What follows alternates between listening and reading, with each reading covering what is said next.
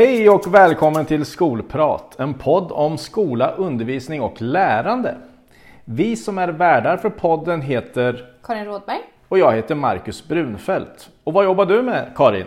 Men jag är projektledare. Eh, och vad gör du Marcus? Jag är biträdande grundskolechef och tidigare rektor. Och ja, Karin, hur är läget nu? Men jag tycker det är bra. Jag är taggad för det här avsnittet. Eh, det kan låta så här på pappret kanske lite torrt och tråkigt, men jag vet ju att det är allt annat än det. Ja, jag kan bara instämma. Det ska bli jättespännande att vara del av det här samtalet. Ja, för idag så träffar vi Karin Karlsson och Karin hon är kvalitetssamordnare på Kunskapsskolan och vi ska prata om skolans systematiska kvalitetsarbete. Ett långt ord, men viktigt. Saken är den att vi vet ju att framgångsrika skolor ofta har ett väldigt fint systematiskt kvalitetsarbete i grunden. Så välkommen till Skolprat Karin! Tack så mycket. Vem är du? Kan du inte berätta lite om dig själv? Ja, men vem är jag? Jag har jobbat som utvecklingsledare, pedagogisk ledare, biträdande rektor och även varit kvalitetschef. SO-lärare är jag utbildad till eh, i 4 till 9 och började faktiskt för exakt 20 år sedan som lärare på en skola på Lidingö. Eh, där jag fick ta mig an ett gäng åttor och nior som lärde mig massor om livet och om undervisning och om lärarledarskap. Efter några år så blev jag eh, lockad till en roll på huvudmannanivå i den friskoleföretaget som jag jobbade på och där blev jag kultur och normeringspedagog. Ett väldigt märklig titel kan man tycka. Eh, och mitt uppdrag var egentligen att vi skulle sprida den pedagogiska modellen ute på våra skolor. Och det var otroligt spännande och där blev jag fast. Eh, så jag gick aldrig tillbaka till en 100% lärarroll efter det. Och jag har hunnit med fyra år också på en kommunal skola som skolledare innan jag hamnade här som kvalitetssamordnare på Kunskapsskolan. Så det är jätteroligt att efter 20 år kunna använda en samlad erfarenhet och fortfarande ha mycket kvar att lära. Och på fritiden då? På fritiden då brinner jag mycket för fotboll. Jag är fotbollstränare för 67 stycken 13-åringar. Jag är inte ensam tack och lov, utan vi är ett gäng. Men jag är en av de drivande ledarna. Och mm, fotbollstränarskapet är så himla mycket som att jobba i skola. Så det använder jag mycket mig av när jag tänker också på skolutveckling och på systematiskt kvalitetsarbete. Men gud vad tryggt det känns då med en, en gammal SO-lärare och fotbollstränare känner jag mig riktigt trygg också för där ligger ju faktiskt min bakgrund i den här världen med. Men det här med att vara kvalitetssamordnare, det är kanske en titel som inte är så självklar för allt och alla. Så vad gör en sån? Ja, ehm, just nu då i uppstarten av läsåret så handlar det ju mycket om att, att få koll på, på kvalitetsplaner som eh, vi har lagt på alla skolor och på huvudmannanivå för att se att de här planeringarna som vi har gjort på lång sikt och på lite kortare sikt, att det faktiskt kommer ge bäring i, i verkligheten. Eh, Just nu så blickar vi framåt till eh, ett första mättillfälle inom grundskolan. I gymnasiet så har vi redan tittat på hur eleverna ligger till och hur de mår, framförallt kopplat till eleven som spelar sedan de började på terminen. Så att hålla koll på de här planerna, se till att de följs, stödja i analysarbetet, få syn på resultat som kan ge oss lite så här värdemätare på vägen och se, är vi på rätt väg eller behöver vi justera? Har vi satt rätt mål eller behöver vi kanske formulera om dem? Och vad säger de här resultaten oss på skola eller på huvudmannanivå? Är det någonting vi behöver skicka med för att stötta mer ute på skolorna till exempel, som vi som jobbar på en pedagogikavdelning, Karin?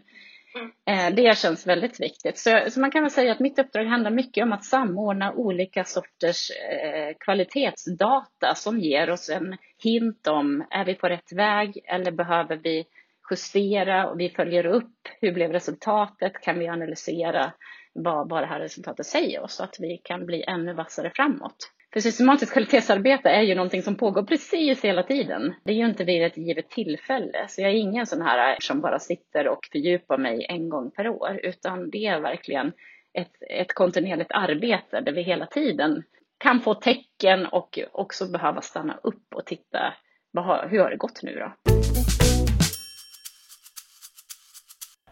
Jag tror nästan att det här med systematiskt kvalitetsarbete, det kanske är skolsveriges vanligaste begrepp. Kan du alltså, komma på ett enkelt sätt rama in vad, vad är det egentligen systematiskt kvalitetsarbete? Det känns som att många går vilse just det begreppet.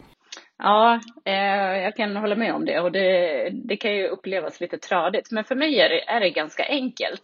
Man lägger en plan. Vi bestämmer hur den planen ska genomföras. Eh, vi följer upp, hur gick det? Och blev det som vi hade tänkt oss? Och så utvärderar vi. Blev det så då? Nej, det kanske inte blev, eller ja, det blev det. Och då identifierar vi vad var det faktiskt som ledde fram till det här? Och hur ska vi göra någonting framåt? Ska vi fortsätta precis på samma bana eller ska vi ändra någonting? Och så snurrar det där runt och utifrån det så formas en ny plan för att följas upp och för att utvärderas och justeras. Så, så det är egentligen det systematiska kvalitetsarbetet i sin linda tycker jag. Planering, genomförande, uppföljning och utvärdering. Det låter ju faktiskt väldigt tydligt när du säger på det sättet. Och man ser ju på det här hur engagerad du är i det här. Som gammal lärare och som skolledare så, så kan i alla fall jag vara ganska trygg över själva passionen i yrket. Vad är själva passionen i och vad är det som triggar dig kring det här med att ägna dig åt de här bitarna hela dagarna? Med systematiken. Ja, men jag, jag tycker att uppföljning är otroligt viktigt. Jag tror kanske att det ligger i det att det är viktigt att följa upp, för vi är så bra på att starta igång saker och vissa av oss är otroligt bra på att starta igång, men att sällan slutföra. Men för mig är det nog jätteviktigt, eller det är jätteviktigt, att följa upp och det kan vara liksom i stort och smått. Jag är ju liksom uppväxt med en pappa som, som jag tyckte var döpinsam under tonåren när han liksom kunde gå fram till Mattias Fredriksson som låg då i toppskiktet av eliten i skidåkning och säga Åh, vad, vad bra du stakade på upploppet. Snyggt jobbat.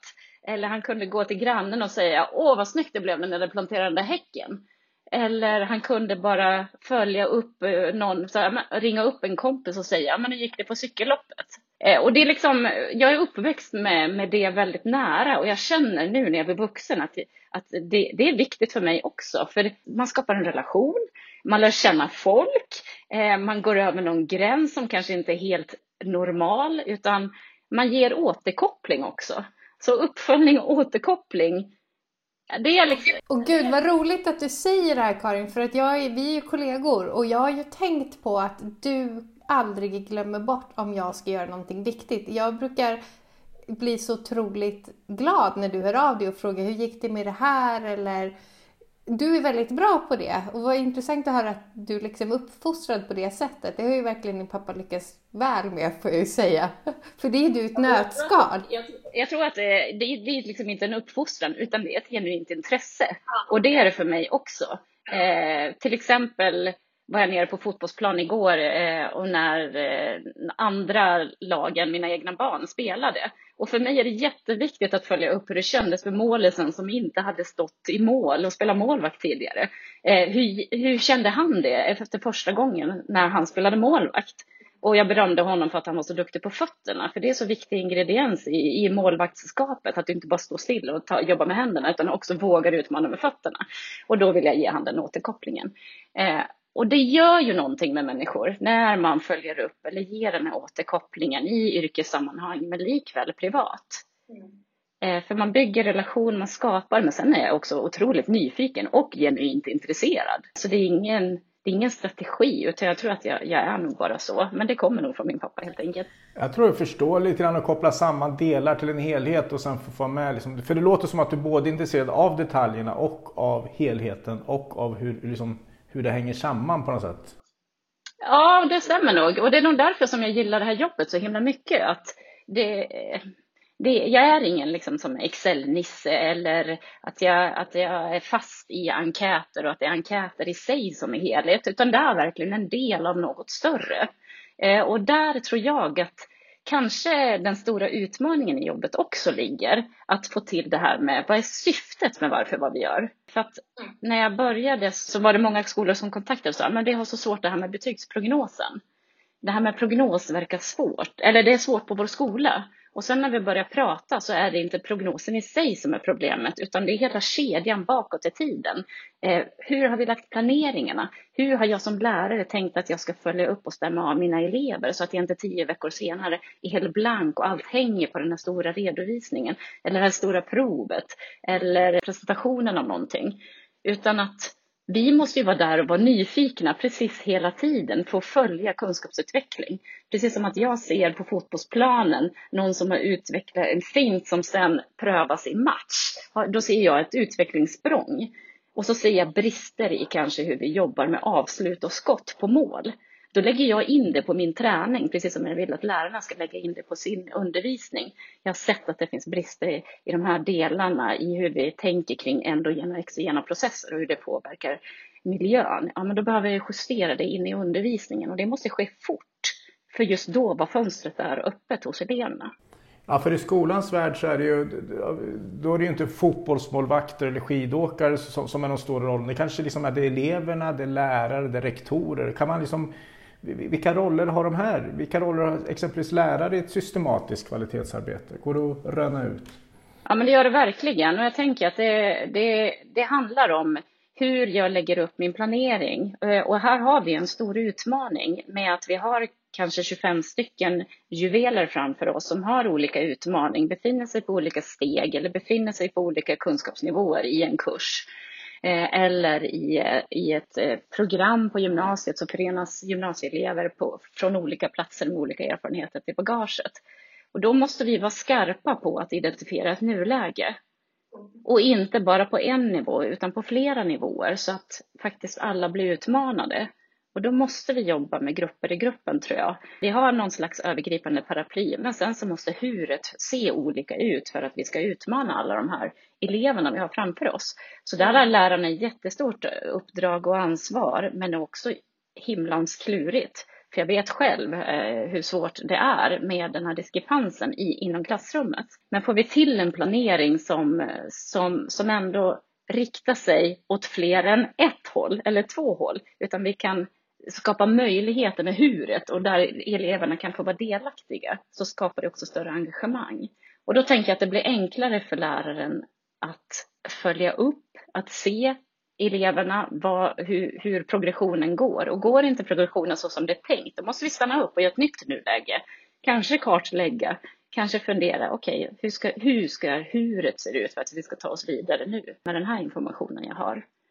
Så det är liksom en systematiskt kvalitetsarbete på, på mikronivå i klassrummet eh, mm. med en elev, med en grupp. Och på samma sätt ser jag ju att rektor behöver organisera sin skola med att skapa förutsättningar. Det är så mycket förutsättningar som behövs för att vi ska få till tänket kring systematiskt kvalitetsarbete.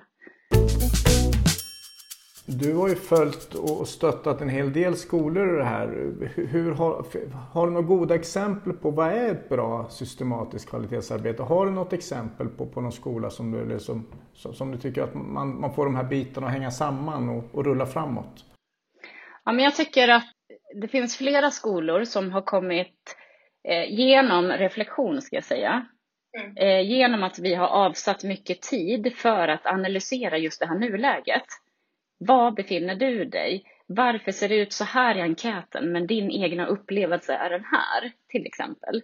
Eh, varför finns det en diskrepans? Eh, då har rektor gått tillbaka till eleverna och haft faktiskt djupintervjuer med olika elevgrupper för att få en fördjupad bild av svaren så att vi inte är för snabba att skapa det här nuläget utifrån vad jag tror. Utan att jag faktiskt har gått tillbaka till källan till eleverna och till medarbetarna. Och sen så är det flera som har sagt att jag har gått för fort fram som rektor. Eh, jag behöver backa och gå tillbaka till att, och kanske ett år eller två år för att se, ja men nu tar vi det här steget, för förändring tar mycket längre tid än vad vi tror. Och då behöver vi vara skarpa i det nuläget. Och då genom att backa tillbaka kunna lägga en plan som, som också skapar stor delaktighet. För rektor får aldrig jobba ensam utan måste jobba genom de eh, uppdragen som finns som arbetslagsledare och förstelärare och ämneslagledare. Det finns en enorm potential i om vi kan samlas till den kraften. Så en gemensam förståelse, noggrannhet, självreflektion. Det låter ja. lite som att där någonstans hittar vi de de goda, de goda exemplen, tänker du? Ja, det tycker jag. För jag tänker att vi behöver se liksom så kritiskt och nyktert på läget som möjligt. För, för är det ett glapp någonstans så måste vi fundera på var, varför är det ett glapp? Och så behöver vi ta ett omtag. Eh, och då måste man vara lite självkritisk och lite prestigelös, tänker jag. Som de här rektorerna som jag har jobbat lite extra med. För att just stanna upp och tänka, okej, okay, vad, vad behöver vi nu då? Det är ju liksom ett samspel, men jag tänker att avsätta tid för reflektion är också en sån del som är otroligt viktig i systematiskt kvalitetsarbete. Att på förhand göra nu, liksom när vi står i början av ett läsår, Finns inte det inbokat tid för när vi ska ha de här avstämningarna, då kommer det bli svårt att i efterhand försöka trycka in det. Ja men så tid är en viktig förutsättning som rektor behöver skapa för att få till det här systematiska kvalitetsarbetet. För man tänker ju så här, dels, alltså tid, vi måste ju definiera tiden också, du var inne på det, reflektion, analys. Alltså målet måste ju på något sätt vara att, att den här tiden som vi lägger ner på att förstå våra resultat, förändra, forma vår undervisning också ska leda till någon typ av kollektiv kunskap. Liksom. Vad mer behövs för att hamna där tror du? Ja men precis, ja, ja då tänker jag liksom att den resan som jag själv gjorde som biträdande rektor, jag förutsatte för mycket. Eh, så det är också en sån käpphäst som jag bär med mig efter en egen erfarenhet att vi hade en ledningsgrupp som bestämde saker eh, och så tänkte vi att nu går alla ut och gör det och så gör väl de det gemensamt och sen så fångar vi upp om två veckor, eller de gör det på sitt sätt med sitt arbetslag eh, och ämneslagledarna gjorde med sitt ämneslag och sen fångar vi upp och kommer tillbaka. Men så fick vi ju helt olika delar tillbaka eh, för vi hade inte gått igenom huret, hur vi skulle genomföra det och vi i skolledningen hade inte följt upp hur mötena riggades. Så det var ett år när vi jobbade jättemycket med att när vi bestämde någonting på ledningsgruppen så gick vi också igenom och hur kommer du ta dig an det här? Hur kommer du presentera det här? Hur kommer du jobba med det med dina kollegor i det här sammanhanget? Och genom att jobba med huret, då fick ju också alla delge sina tankar i hur man ville. Sen måste man ju sätta sin personliga touch, absolut. Men att ha några sådana här delar att Ja, men så här inleder vi alltid mötet. För det var några som alltid fastnade i den här rundan om hur alla mådde. Och så pratade man om hur man mådde i 40 minuter, så var det bara 20 kvar. Liksom, ja, vi behöver hitta andra, andra sätt. Så att genom att jobba igenom hur andra skulle leda det vi ville åstadkomma, det blev en framgångsfaktor. Eh, och även att vi i skolledningen också deltog Eh, för att följa upp och ge feedback till de ledarna. Så till slut så liksom tog jag barnens helikopter. De hade en sån här knallröd stor helikopter, leksakshelikopter, band upp den i ledningsgruppsrummet. Så att när vi alla kom in liksom till ledningsgruppen och skulle börja jobba tillsammans, Det var det som att vi fick lov att titta på den helikoptern, kliva in i helikoptern och säga okej, okay, nu är det vi som spänner över och sen ska vi liksom hovra över, titta över hela skolan så att vi får, vi har ett gemensamt ansvar här och då måste vi också titta på hur ska vi gemensamt leda de här mötena. Så jag tror jättemycket på att, på att skapa delaktighet men också våga säga eh, och prata om huret, hur vi, och hur vi olika gör. För ibland, eller jag i alla fall lärde mig det, att jag förutsatte att det skulle genomföras på ett Karin-sätt. Men det var ju, det landade ju olika, för vi är olika personer. Men kan vi ändå enas om vissa områden som vi kan hålla oss till, då blev det ett bättre utfall, helt klart. Ja, men för det systematiska kvalitetsarbetet, om man tänker på lärarnivå, som mig, som om det, det skulle vara jag nu som skulle liksom jobba med eh, mina delar i egenskap av svenska och spansklärare som jag jobbade som. Eh, hur, hur, vet jag då att min undervisning håller god kvalitet? Hur kan jag titta på mina resultat? Hur kan, jag, hur kan jag liksom veta någonting om min undervisning? Vad krävs av mig för att förstå? Ja, jag tänker att för att du ska kunna veta om du gör utveckling i, i klassrummet, då behöver du ha våra styrdokument i ryggen.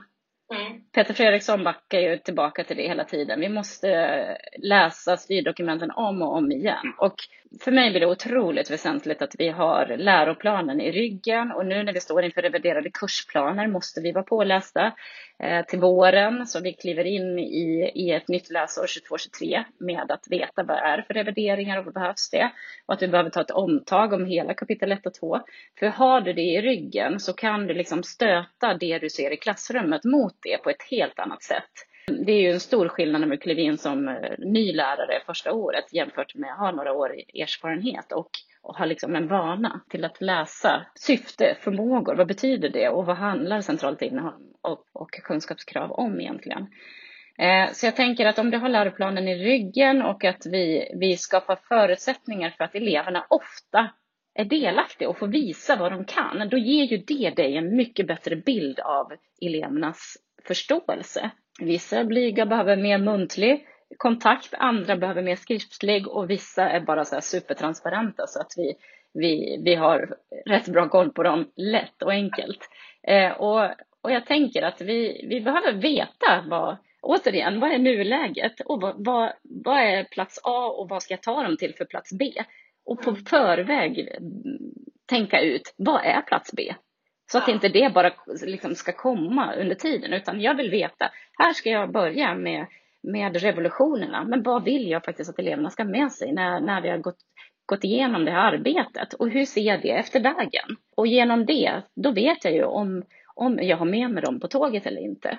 Sen så kan du ju använda olika tester eller frågor Eh, jag tycker att det är jätteviktigt att lyssna på vad eleverna frågar om. Det ger mig nästan en mer, större insikt än, än e, ett test där de får skriva ner. Utan elevernas frågor är otroligt viktiga för att veta, har de uppfattat de här delarna eller inte? Och sen så har, har ju vi så förspänt i Kunskapsskolan att vi gör, genomför prognoser eller nulägen, betygsuppföljningar på gymnasiet. Och de ska vi använda aktivt, för det blir en bild Även om jag kan veta vad mina elever är så, så ger det mig en bild i alla andra ämnen också. Och det säger någonting. Mm. För som SO-lärare så hänger ju de här fyra ämnena väldigt väl ihop. Jag har ju väldigt svårt att tänka att du presterar max i historia men absolut inte i geografi eller samhällskunskap. Utan för mig är det helhet och så är det ju med andra ämnen också i skolan. Att vi behöver se hur de här ja, delarna igen hänger ihop med helheten och det ger mig en större bild av eleven också.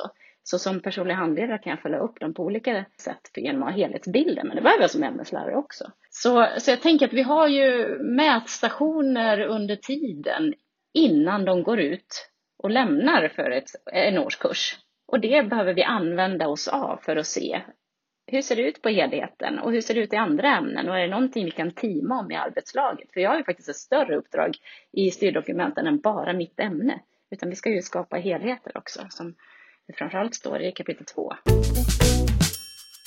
Det där känns väldigt intressant, måste bara flika in där. För, för att det där du säger också om att lärarna alltså, behöver ha en förtrogenhet kring styrdokument. Jag tror både Karin och jag har gjort en del, eh, en del observationer genom åren. Och jag skulle vilja säga att Eh, om det går som en röd tråd kring de lärare som, som upplever att nå fram bäst med sin undervisning, det är ändå de som har faktiskt en, en förtrogenhet med styrdokumenten med sig. För då blir det liksom på något sätt, det blir ingen mekanisk del utan det blir en, en integrerad del i undervisningen vilket gör att den leds på något sätt framåt också.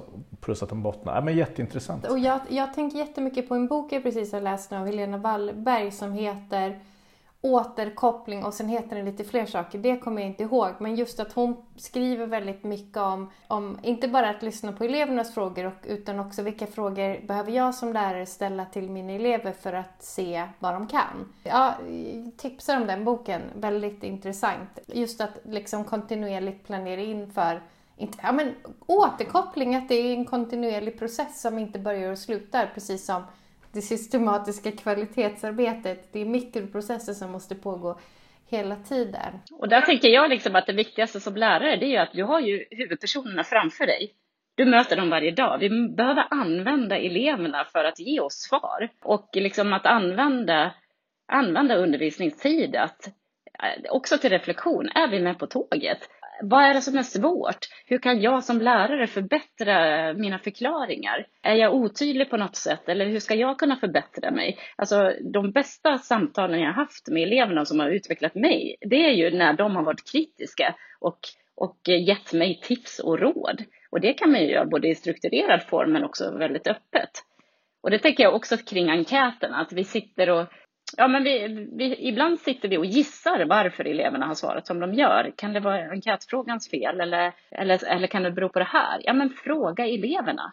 Och apropå återkoppling, de har lagt tid på att svara på en enkät. Då måste de få tillbaka den och se vad, som har, vad de har svarat för någonting. Och då vill jag veta lite mer. Eh, vad betyder det här för er? Och då kan det komma upp helt andra saker. Och då kanske det är så att enkätfrågan var kass. Ja, men då behöver vi ju förbättra den eller ta bort den.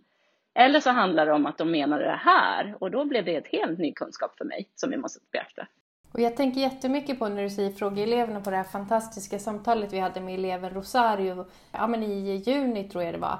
Nej, maj var det kanske. Strunt samma när hon, när jag ställde frågan vad är god distansundervisning, vad är icke-fungerande distansundervisning? Hon kunde svara exakt för hon visste, för det är hon som blir utsatt för inom situationstecken. Men vi har varit lite inne på det. Vad gör eller vad är en skicklig lärare utifrån det systematiska kvalitetsarbetet? Jag tänker, om jag har förstått det rätt så handlar det mycket om att man vågar spegla sig själv. Att liksom, när vi pratar formativ undervisning så handlar ju det både om att förändra, formera sin undervisning efter, utefter hur den landar i klassrummet men också ge eleverna någon typ av återkoppling. Har jag förstått det rätt då? Ja, det tycker jag verkligen. Och jag tänker också att eh, en lärare som inser att det här tar tid. Vi kan inte utveckla kunskapen så här, utan den skickligaste läraren som jag har arbetat med, hon tog emot en grupp elever i fyran och hade hela tiden sexan i sikte. Eh, hon förstod att det här är en tuff resa som behöver göras. Vi har jätteutmaningar nu. Men var lugn Karin, jag kommer lösa det här för det här och det här är min plan. Det här är en treårsöversikt. Och hon jobbade otroligt systematiskt med att se också beståndsdelarna i hennes ämnen och byggde upp och på eleverna hela tiden utifrån en långsiktig plan. Så det tycker jag också att ibland är vi lite snabba och det kan ju vara min roll som kvalitetssamordnare också. Va, går det ner här eller står det still? Eh, ja, men det tar tid. Eh, att utveckla elevers kunskaper är ju inte någon quick fix, utan, och det får ju faktiskt ta tid. Vi har ju nio år på oss i grundskolan. Lite tajtare på gymnasiet, men förhoppningsvis blir det bättre här efter 2025 med ämnesplaner istället än eh, korta kurser. Men, men det tar tid med utveckling och det måste vi ha is i magen och, och lita på den långsiktiga processen också. Och då får, man, då får man hålla emot kanske rektorer och någon enveten kvalitetssamordnare som har, har frågor. Ja men precis. Jag minns att när jag var ny som rektor så, så fick jag ett råd av en av mina lärare då att, att Marcus sa, spring inte vilse bland alla siffror. Så men, men, samtidigt så det här med, med, att ändå dra nytta av siffror. Att vi, att, alltså när vi pratar om systematiken i kvalitetsarbete, att vi pratar om enkäter. Alltså vad, är, vad behöver vi? Vi behöver ju ändå någon form av underlag antar jag för, för att kunna liksom säkerställa, att, eller på något sätt kartlägga var vi befinner oss och, och kliva framåt. Vad, vad, vad, är, vad är det för resultat vi pratar om? Vad är det för, för underlag? Ja, men då är det ju liksom vårt, vårt huvuduppdrag att alla ska nå i mål. Det är ju väldigt viktigt vad vi, vad vi ger eleverna för möjligheter att nå lägst E i alla ämnen eller en gymnasieexamen som man kommer vidare, eller åtminstone gymnasiebehörighet som för oss. Så, så kunskapsresultat är ju viktiga i form av betyg. För de yngre eleverna så är ju omdömena lika viktiga som ger oss en bild om hur ser vi, hur ligger vi till här? Ligger flera på en ej grundläggande nivå. Eller då behöver vi skapa insatser så att, så att vi, vi förändrar någonting.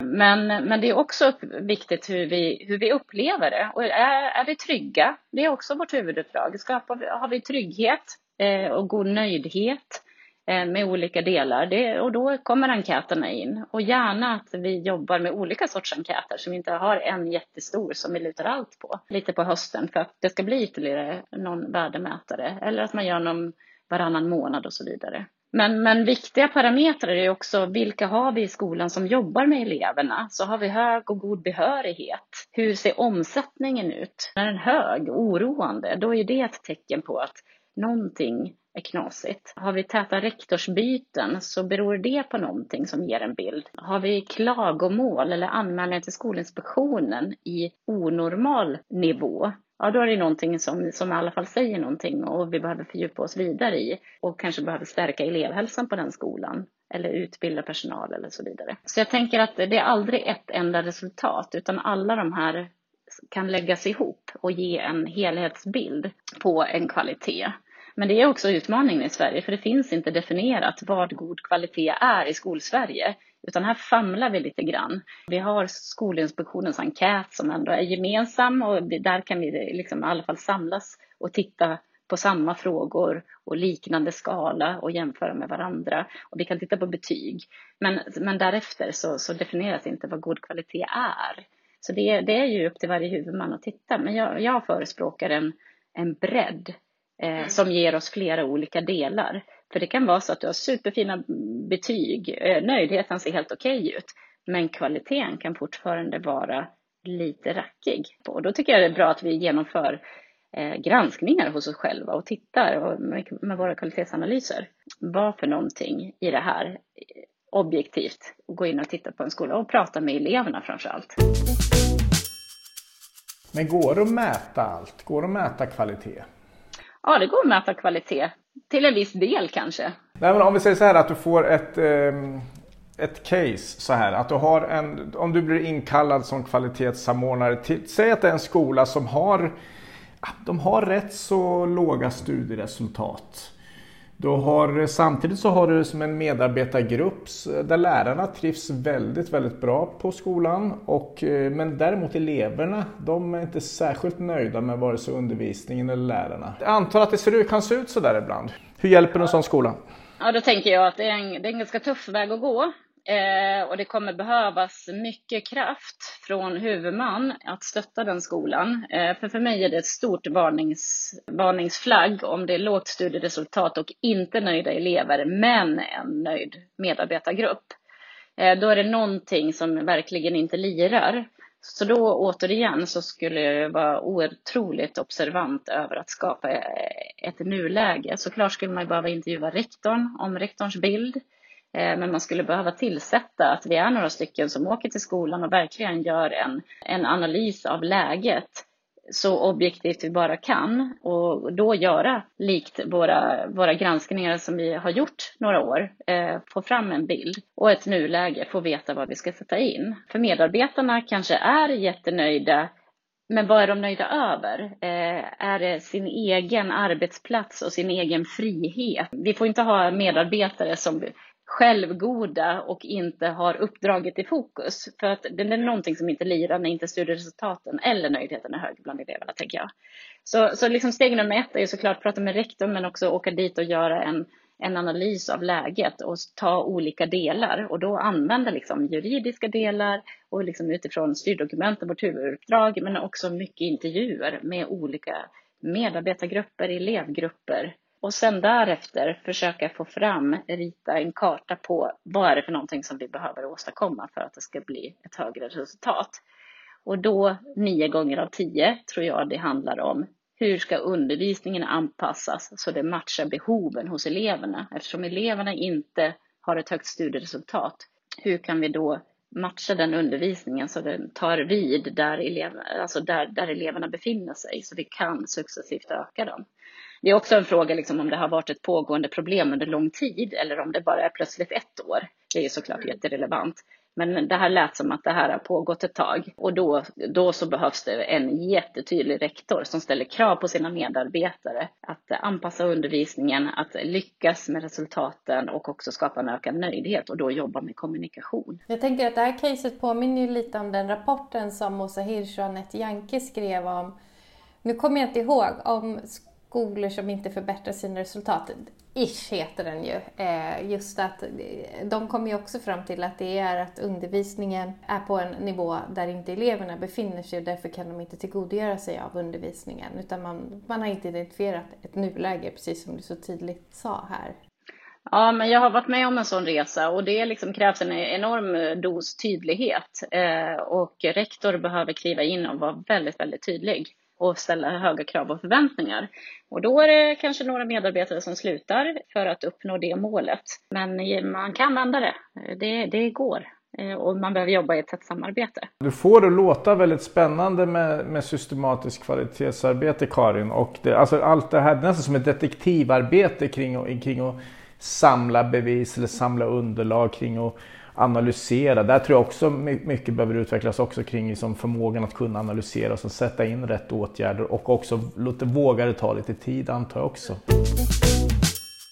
Eh, vi brukar ju avsluta våra poddar lite grann med att, att våra gäster får, får, ge tre tips kring ämnet vi har pratat om. Och eh, då är vi väldigt nyfikna på om du skulle kunna bjuda lyssnarna på tre tips kring, ja, som man kan koppla till att få till ett bra systematiskt kvalitetsarbete. Har du det i bakfickan Karin? Ja, absolut. Då skulle jag ju säga som nummer ett och det som jag återkommer till här i samtalet, det är ju följa upp. Hur gick det på det här mötet som du nu ledde med dina arbetslagsansvariga? Hur kändes det och varför blev det som det blev? Var du nöjd med? Vad hade du kunnat gjort bättre? Eh, så följa upp i stort och smått, men det kan också vara hur gick tennismatchen i lördags med eleverna för att skapa en relation och kunna bygga vidare på det i undervisningen. Nummer två är slösa med återkoppling och gärna positiv sådan. Det är riktigt bra i ett systematiskt kvalitetsarbete. Om man ser att, nu tänker jag utifrån rektorsperspektiv, om man ser att en lärare har slitit och tagit eleverna från ett nuläge till ett annat. Vi ser också bevis på det kanske i någon prognos eller i betyg. Följ upp men slösa också med positiv återkoppling. Var lite som min pappa. Det hjälper mycket även i arbetslivet. Och vi har ju också pratat om lovebombing under året. Är det någon elev som lyckas? Det är inte många föräldrar som får höra det. Lyft luren, ta två minuter, du gör föräldrarnas månad. Det kostar så lite att bara bekräfta det. Sen tredje tipset, då tänker jag, åk mer helikopter. Avsätt tid för att kliva ur nuet och din egen vardag som man är så uppfylld av på en skola, från det ena till det andra och möten och hit och dit. Så liksom eh, visuellt tänka att man kliver in i den där helikoptern för att se skolans helhet om vi jobbar för det. Eh, och det gäller även på APT och så vidare. Vi behöver dras från våra egna boxar upp till en övergripande nivå och och titta hur kan vi utveckla det här tillsammans. Nu har vi satt planen för det här läsåret. Är någonting vi här i oktober, vad känner vi och behöver vi justera? Kan vi se det på helheten? vi ser att de har supertufft här i arbetslag 7. Okej, men hur kan vi på skolan arbeta tillsammans och stärka lag 7 till exempel? För nu har de det svettigt. En skola som, som, som lyckas åka lite mer helikopter, de kommer lyckas bra. Det var ju fantastiska tips. Så att följa upp och inte då att förväxla med kontroll kanske för mycket men, men att följa upp noggrant, envetet. Att slösa med återkoppling och till viss del även beröm.